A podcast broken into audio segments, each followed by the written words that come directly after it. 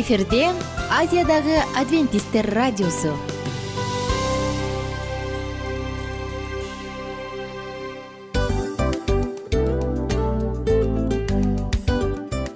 Салам достор. Ден соолук өмүр булагы. Жана биздин биринчи байлыгыбыз демекчи саламат саамы рубрикасына кош келдиңиздер. Бир да кишинин ооругусу келбегени айтпаса да түшүнүктүү анткени ооруганда жаныбыз кыйналганы аз келгенсип көп көйгөйлөр жаралышы да ыктымал. Андан тышкары жумушка же мектепке бара албай же үй бүлөбүзгө кам көрө албай калабыз. Ал эле эмес башка бирөөнүн бизге кам көрүшүнө муктаж болуп калышыбыз ыктымал.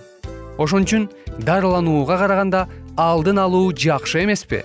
Биздин рубрикада биз ар кандай фактылар менен маалыматтар менен кеңештер менен бөлүшүп чын жүрөктөн сиздердин ден соолугуңуздарды каалайбыз. Ошон үчүн биздин рубрикага кош келдиңиздер. Жана даярданып туруңуздар анткени кийинки мүнөттөрдө кызыктуу фактыларга ээ болосуздар. Ошон үчүн достор эң биринчи байлыгыбызды колубузга алдык да алдыга жөнөдүк. Биз менен болуңуздар саламат саама ден соолуктун жарчысы. Саламат саама ден соолуктун ачкычы. Күн сайын сиз үчүн мыкты кеңештер сонун жаңылыктар кызыктуу фактылар. Биздин рубрикада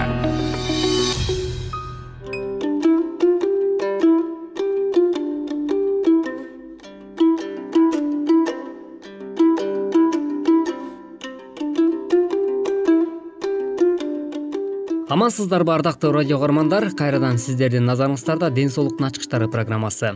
Бүгүнкү программабызда биз күндүн нурлары жөнүндө сүйлөшмөкчүбүз.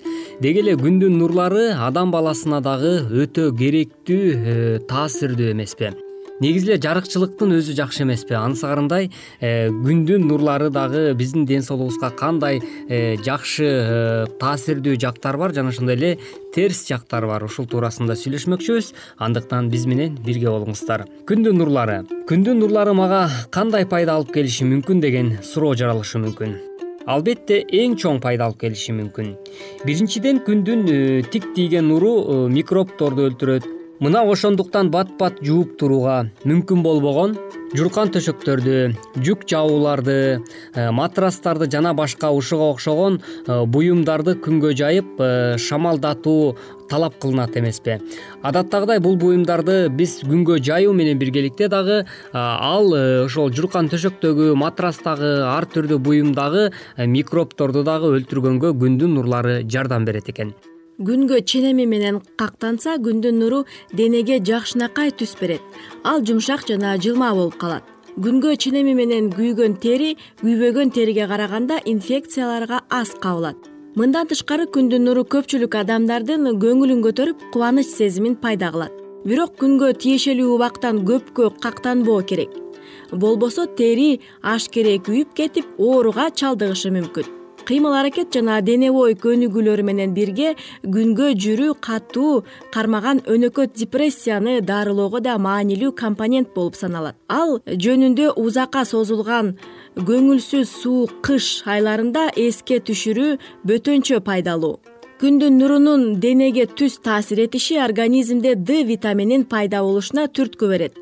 Д витаминдин ичегиден кальцийди сорулуп чыгып сөөктүн түзүлүшүн бекемдөөсүнө жөнгө салат ал балдардын ити жана чоң кишилердин ошого окшогон эле зат алмашуусун бузулгандыгынын алдын алат. Остеопоростун болушуна тоскоол кылат. Күндүн нуру ошондой эле холестериндин деңгээлин төмөндөтүүгө иммун системасын чыңдоого артрит шишигинин муундарын дарылоого этек киркелүү аялдардын бир катар симптомдорун алдын алууга да көп жардам берет экен өзүңүздөр тыңдап жаткандай эле урматтуу угармандар чындап эле күндүн нурларынын касиеттүүлүгү канчалык деңгээлде адам баласынын жашоосуна керектүү экени туурасында угуп жатканыңыздар э, бул дагы ашыктык болбос. Бул кеңештер дагы сиздин кандайдыр бир жашооңузга түздөн түз өзүнүн жакшы бир пайдасын алып келет деген ишеничтебиз ошондой эле күндүн нурлары туурасында дагы бир э, маалыматтарга таянып өтсөк негизи эле э, таңкы нурлар жана түштөн кийинки күндүн ачуу тийген нурлары деген да бар эмеспи. Ал эми көбүнчө медиктердин айтуусу боюнча ушул д витамини адамдын организмине керектүү д витаминин таңкы саат сегизден баштап он бирге чейинки күндүн нурларына акырын кактанган бул өтө ошол д витаминин алганга адамдын организми ошол учурда аябай пайдалуу болот экен. Ошол сегизден он бирге чейин күндүн нуру узун толкунду э, берет экен ошол узун толкундар чын эле адамдын гипертонияга дагы абдан жардам берет экен мына ушундай жакшы дагы жактары бар экен ал эми терс жактарын айтып өтсөк терс жактары бул ошол э, айрыкча ушул э, мүмкүн жайкы аптаптуу ысык э, учурларда мүмкүн ысык өлкөлөрдө дейбизби.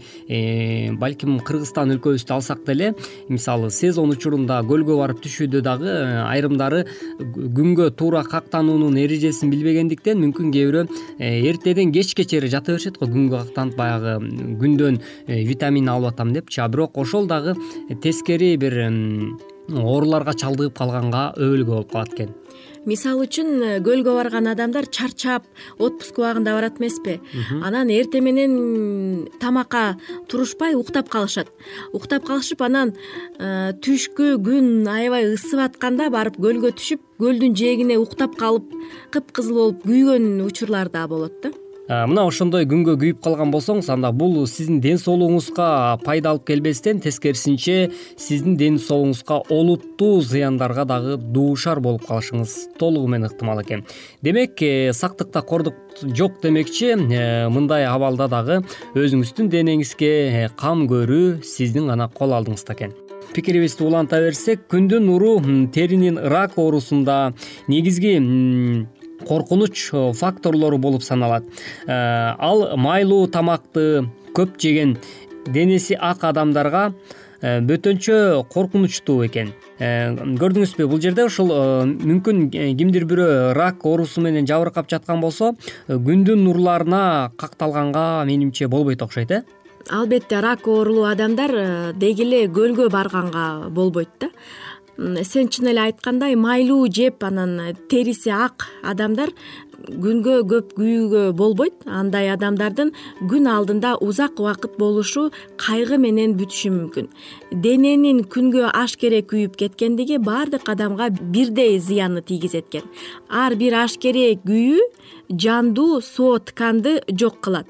Ашкере күйүп кетүүнүн э, кайталанышы салмактыкка оорду толгус зыян алып келет мындан тышкары кайталанган күнгө ашкере күйүү жана узак убакытка э, күнгө э, тотугунун деги эле сакталышы акырындап теринин май бездеринин бузулушуна жана анын э, жумшактыгынын жоголушуна алып келет. Мунун натыйжасы болуп теридеги бырыштар жана эрте картаюу болуп саналат ошо менен биргеликте эле чынында жогоруда биз айтып өткөндөй эле күндүн нурларына ашыкча кактануу дагы э, биздин ден соолугубузга олуттуу зыян э, тийгизип коюшу ыктымал дебедикпи сенден дагы сурап тургум келип атат кесиптешим ушу деги эле балким бала чакта болобу негизи эле жашоодо ушу күндүн нурларына ашыкча кактанып калган учурларың болду беле албетте болгон көлдүн жээгинде уктап калган учурлар болгон денеңдин баары кечинде ачышып уктай албай түнү менен кыйналып аткан дагы учурлар болгон. Айрымдар айтып коет ушул теринин күйгөнү дагы сыйрылып түшкөнү аябай э, мындай ден соолукка пайдалуу депчи пайдалуу жактары бар деп. Бирок бул ашыкча күйүү дагы менимче балким тескерисинче дарылык касиет эмес эле оору да алып келип калышы ыктымал экен да албетте көп күйгөндөр э, теринин рак оорусуна дагы көп чалдыгышат. Кийинки берүүбүздөн кезиккенче аман болуңуздар. Э, сиздерге чын ден соолук каалайбыз. Ал эми бизге бөлүнгөн убакыт да өз соңуна келип жетип калды. Андыктан жалпыңыздарга кайыр. Саламат саама ден соолуктун жарчысы. Саламат саама ден соолуктун ачкычы. Күн сайын сиз үчүн мыкты кеңештер сонун жаңылыктар кызыктуу фактылар. Биздин рубрикада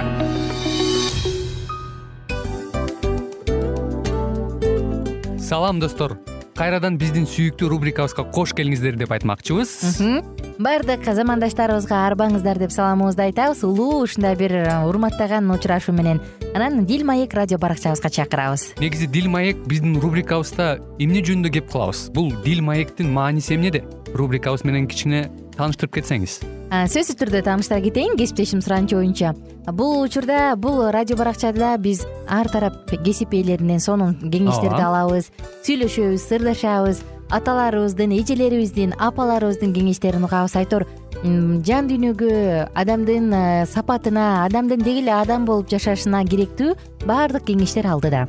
Негизи э, дил маек дегенде баягы эки адамдын ортосундагы сырдашуу кенен сүйлөшүү. Негизи эле биз адамдар бири бирибиз менен бир жерге жай жерге отуруп алып өзүнчө тынч жашоо жөнүндө өмүрүбүздө эмне болуп атканын бөлүшкөнү жакшы көрөбүз э адамдар. Ооба туура айтасың анан мындай учурга кээде убакыт да жетпей келет э? Же болбосо сырыңды кайгыңды муңуңду кубанычыңды айткың келет а адамга ишенбешиң мүмкүн. Ооба. Бул радио баракча угармандарыбыздын чыныгы досу. Анткени бизден алган кеңеш сиздин жашооңузга чоң жардам берет. Ал эми сиздин бизге айта турган сөзүңүз ортодо гана сыр бойдон калат. Ошондуктан биздин дил маек рубрикабызга дагы бир жолу кош келиңиздер жана биз даярдаган маалыматтарга даяр болуңуздар. Айнура жана милан сиздер менен бирге алдыга кеттик.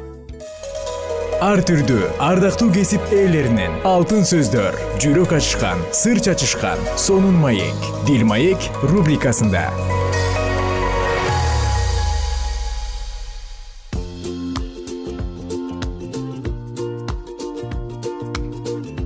ассалам алейкум биздин ардактуу угармандар. Кайрадан биздин дил маек программабызга кош келиңиздер салют достор. Мику аку кайрадан кызматыбызды баштадык. Бүгүн дагы темабыз өзгөчө кооз өзгөчө сонун өзгөчө кызыктуу.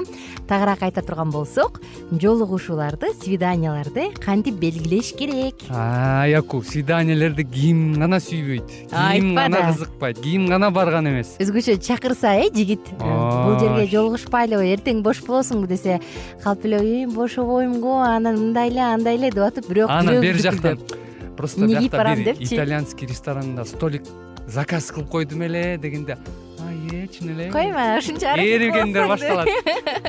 Эми тарс турс эткендер албетте күлкү болсун бирок биздин темабыз чындыгында свиданиялерди же жолугушууларды кантип уюштуруш керек? Ушундай кичинекей бир инструкция берип койсок. Жакында бир курбу кызым айтып калды да барбайм такыр такыр жакпайт ушу чакыргандары ушундай ушундай деп анан эмне себептен деп таң калсак өткөндө чакырганда барсам дейт кечке өзү жөнүндө айтып отуруп алды мен эт жебейм анткени деп кечке ошол өзүн айтып алды дейт. Анан мен алган тамагымда эт бар болчу дейт кокумдон өтпөй калды дейт. Элестетип көр. Анысыкандай кээ бир учурларда чындыгында майда чүйдө болсо да бирок бир кичинекей детальдерди билип алган ашыкчык кылбас э? Кантип жолугушууга чакырыш керек? Деги эле жолугушууну кантип белгилеш керек? Негизи көбүнчө жаштар мындай бир чоң катаны кетирет.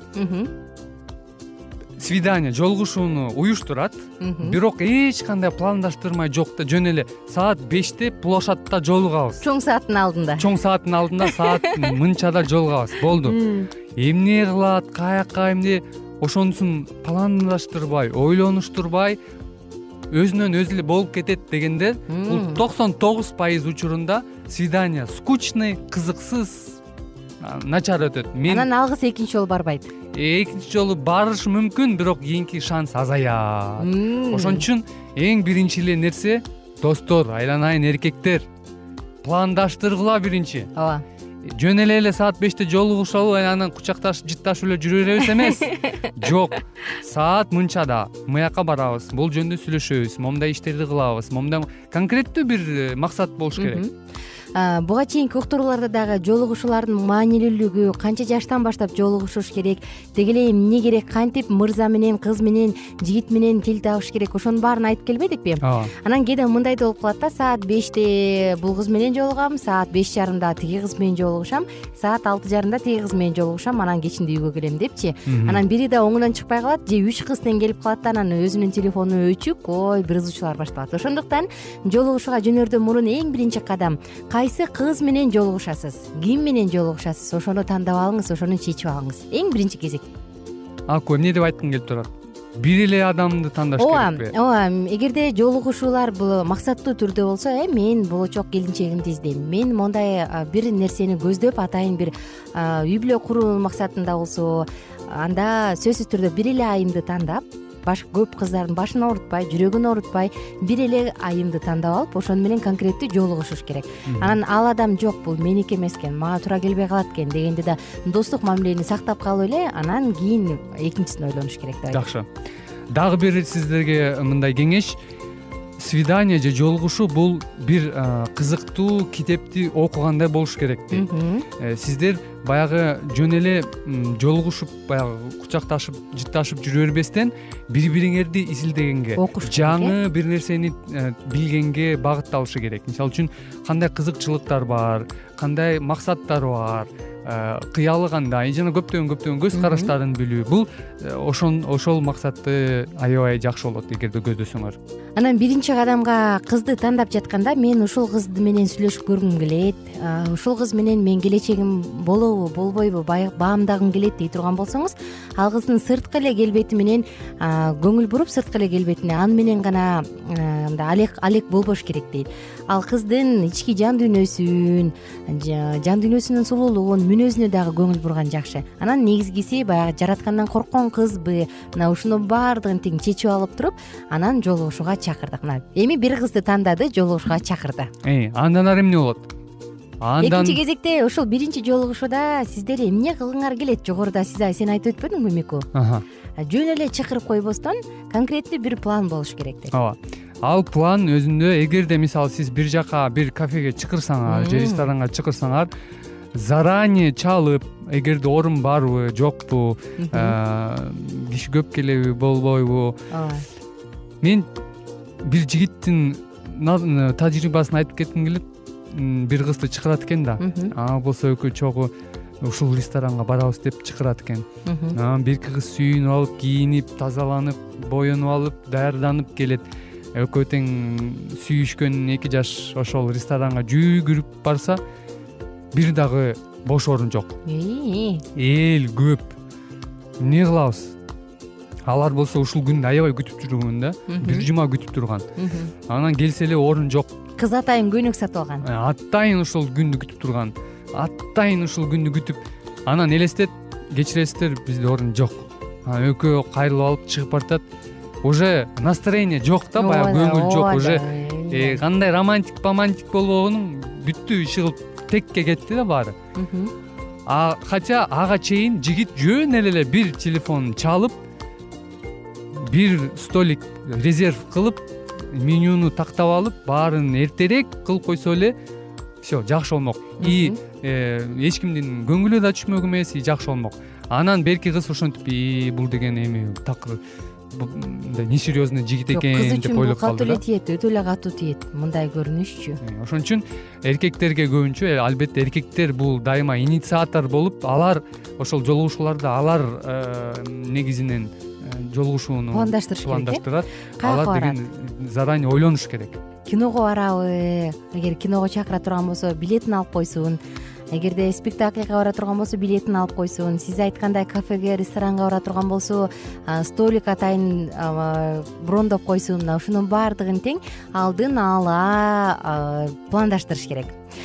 Жакшы пландаштырдык. Эми кайсы жактан жолугушабыз биринчи кезекте жолугушуу жерлери ар кандай болушу мүмкүн? Биз айтып кеткендей кино парк же дагы башка нерселер. Бирок эң негизгиси кайсыл жери гана болбосун жакшылап биз уже кайталап кетип атабыз. Пландаштырылган тандалган ойлонулган жери болуш керек кызды чакырдыңыз. Андан кийинки кезекте баардык кийинки кадам баардык детальдарды майда чүйдөсүнө чейин тактап сүйлөшүп алыңыз. Алмаштырып албаш үчүн ортодо түшүнбөстүктөр болбош үчүн баардыгын тактап алыңыз. Анан сөзсүз түрдө өзүңүздө план б болсун э? Эгерде ал жак болбой калса же кызда маанайы кыздын маанайы жок болуп калса же дагы бир нерсе болуп калса анда эмне кыласыз? Кийинки кезекте дагы бир өзүнчө на черный день деп коебуз го. Өзүнчө бир план даярдап коюңуз кокустан. Кудай сактасын эми кокустан биринчи план ишке ашпай калса анда ал кыз менен кайсы жакка барасыз анын көңүлүн кантип көтөрөсүз? Анан сөзсүз түрдө унааңызды дагы баарын даярдап коюңуз эмне менен жеткиресиз? Такси менен жеткиресизби? Каражатыңыз жетеби? Кечинде кайсы убакта бошоп калса кыз көчөдө жалгыз калбайбы? Мына ошонун баарын тең ай аку сен вообще эле аябай эле мындай принципти сүрөттөп салдың го.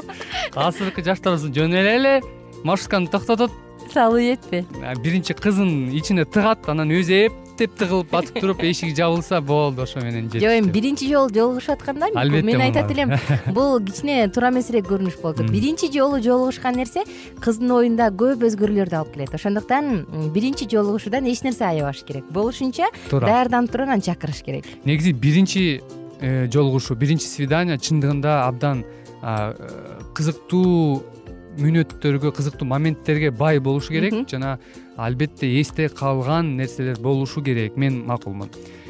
Андан тышкары менде мындай суроо пайда болду. Эгерде кыз жок дегесе анда кандай э, ошон үчүн акылмандык менен баягы элдин көзүнчө эмес өзүнчө телефон менен сүйлөшүп же өзүнчө чакырып сүйлөшкөн оң болот. Ооба. Мына ушундай сонун кеңештерди бүгүн бердик аи убактыбыз да соңуна келип калыптыр достор. Мырзалардын көпчүлүгү кыздардан жок мен бара албайм деген сөздү уккандан коркушат экен. Аябай ошондуктан телефон менен сүйлөшүп жатканда болобу же жанына келип сүйлөшкөндө болобу ал жок деп айта албагандай кылып сыйлыктык менен ага жолугушууну чакырыңыз аны. А биз болсо сиздер менен коштошобуз. Кийинки уктуруубузда дагы кызыктуу темалар уланат. Сулуулук дүйнөнү сактайт ар түрдүү ардактуу кесип ээлеринен. Алтын сөздөр жүрөк ачышкан сыр чачышкан сонун маек. Дил маек рубрикасында.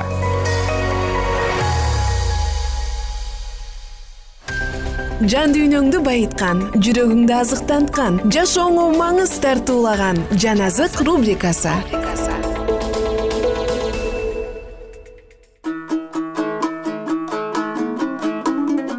саламатсыздарбы достор? Жалпыңыздарга кутман күн сиздер менен. Улуу күрөш китебин улантабыз.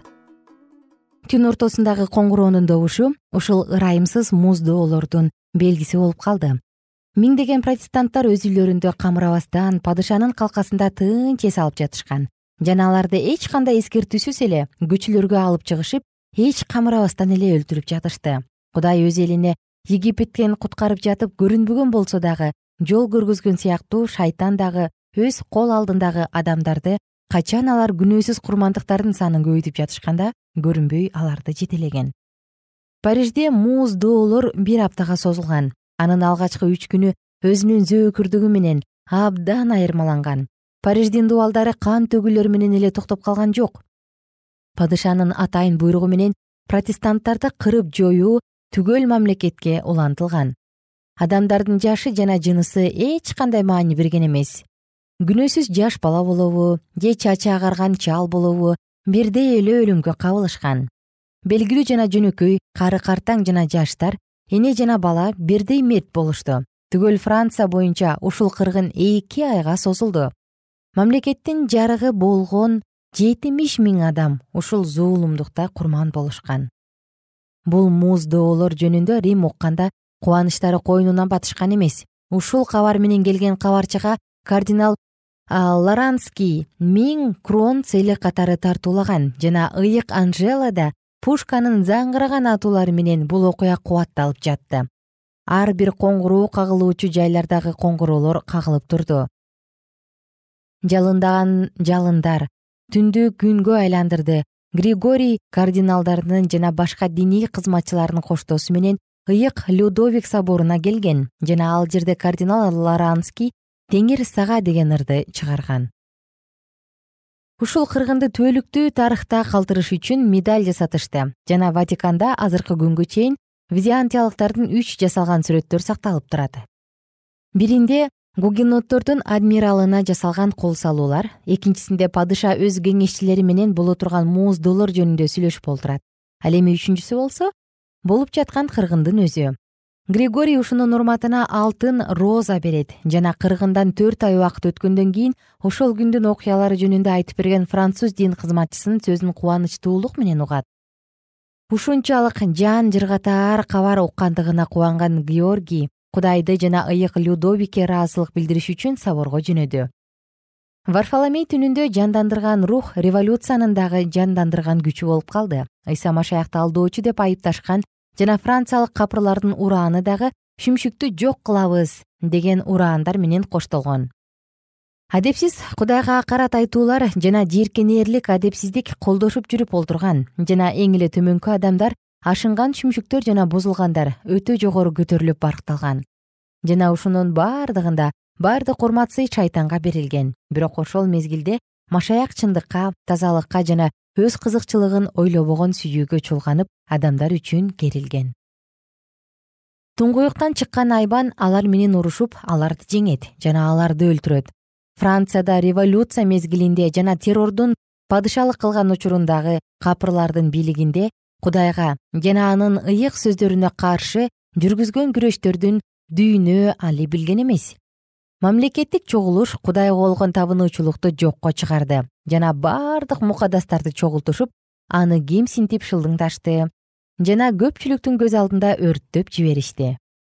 Кудай мыйзамы тебеленип тепселенди ыйык жазуунун көрсөтмөлөрүн жокко чыгарышты. Ар бир аптада эс алуу күнү жокко чыгарылып анын ордуна ар бир онунчу күн кудайга акарат айтууга жана оюн зоок курганга арналган кудай менен келишим түзүп жана аны эскерүүлөргө тыюу салынган. Мүрзөлөрдө өлүм бул түбөлүктүү уйку деген плакаттар пайда боло баштаган. Кудайдан коркуу даанышмандыктын эмес акылсыздыктын башталышы деген ой жүгүртүүлөр пайда болду. Эркиндикке жана мамлекетке кызмат кылуудан башка диний майрамдардын баарына тыюу салынган болчу. Париждин епископу бул ыркы кеткен обу мыскылда башкы ролду ойноого туура келди. Бул түгөл улуттун атынан ойнолуучу роль болгон. Аны мыйзам чыгаруу үчүн дайындалган адамдардын алдына алып келишип ал ушунча жыл кызмат кылган диндин эч кандай деле мааниси жок бул тарыхта дагы жана чындыкта дагы эч кандай орунду ээлеген эмес бир гана алдоо үчүн дин кызматчылардын чыгарган божомолдору болгон деп айттырууга мажбур кылышты. Жана епископ салтанаттуу түрдө бул буйрукка макул болуп өзү кызмат кылыш үчүн дайындалган кызматынан жана кудайдан баш тартты. Жана кудай жок деп баса белгиледи. Мындан ары эркиндикке теңдикке жакшылыкка жана адеп ахлактыкка кызмат кылууга ант берди. Ал өз епископтук кийимин столдун үстүнө койгондон кийин гана чогулуштун председатели аны бир тууган катары кучактап кубаттаган. Бул епископтун өрнөгү менен башка дагы баш тарткан бир нече дин кызматчылар жолдошкон бул ишке жер үстүндө жашагандар кубанышат жана шаттанышып бири бирине тартууларды жиберишет. Анткени бул эки пайгамбар жер үстүндөгү жашаган адамдардын бардыгын кыйнашкан. Кайырдин болуп кеткен франция кудайдын эки күбөсүнүн айыпты ачкан үндөрүн басып салышты. Чындыктын сөздөрү анын көчөлөрүндө жансыз жатты. Жана кудай мыйзамынын талаптарын чегерүүлөрүн жактырбаган адамдардын бардыгы кубанычтан салтанат куруп шаттанышып жатышты адамдар асман падышасына ачык эле каршы чыгып турушкан. Байыркы мезгилдеги күнөөкөрлөргө окшошуп алар дагы минтип кыйкырышты. Кудай кантип билсин жана эң жогоркунун аяндары барбы? Забур китеби жетимиш экинчи бап он биринчи аят. Көз алдыбызга элестете албагандай болуп бир жаңы тартиптин кичили кудайга акарат келтирип мындай деген. Кудай эгерде сен бар боло турган болсоң өз шылдың болгон ысымың үчүн өч алып көрчү. Мен сага каршы чакырык салам. Сен унчуга албайсың. Сен күн күркүрөөсү менен жооп берүүгө батына албайсың. Жана ушундан кийин сенин бар экендигиңе ким ишене алат. Бул эмне? Фараондун айткан сөздөрүндөй эмеспи? Ал айткан мен аны уккудай теңир ким өзү? Мен теңирди тааныбайм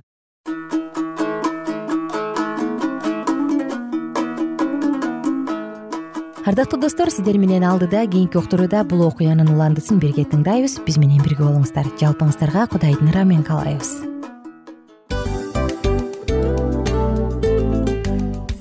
Мына ушинтип убакыт дагы тез өтүп кетет экен. Биз дагы радио уктуруубуздун аягына келип жеттик. Келип кубандырдыңар эми кетип кубандыргыла деп тамашалап калышат эмеспи? Анысы кандай? Радио баракчабызды программабызды азыр эле баштап аткандай болдук элек. Мына соңуна келдик э? Негизи убакыт э, билинбей өтүп кетет экен?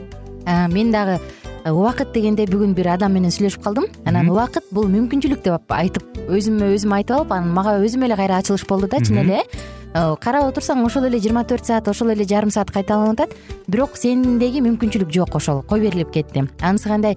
Бүгүнкү сонун убактыңызды алтындай болгон жарым саатыңызды бизге бөлүп арнаганыңыз үчүн ыраазычылык айтабыз. Анан жашооңуздун кайсы бир сферасын өзгөртө турган сонун пайдалуу кеңеш алган болсоңуз анда биз максатыбызга жеттик.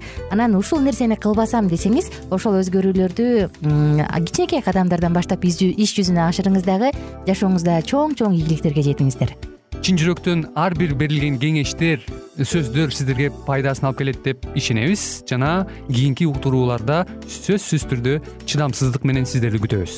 Сагынычтуу салам айтып кайрадан дал ушул жыштыктан баардыгыңыздарды тосуп алганча кызматта мен айнура жана кесиптешим милан анда кол пулга алайбыз жалпыңыздарга ийгиликтүү күн. Саламатта калыңыздар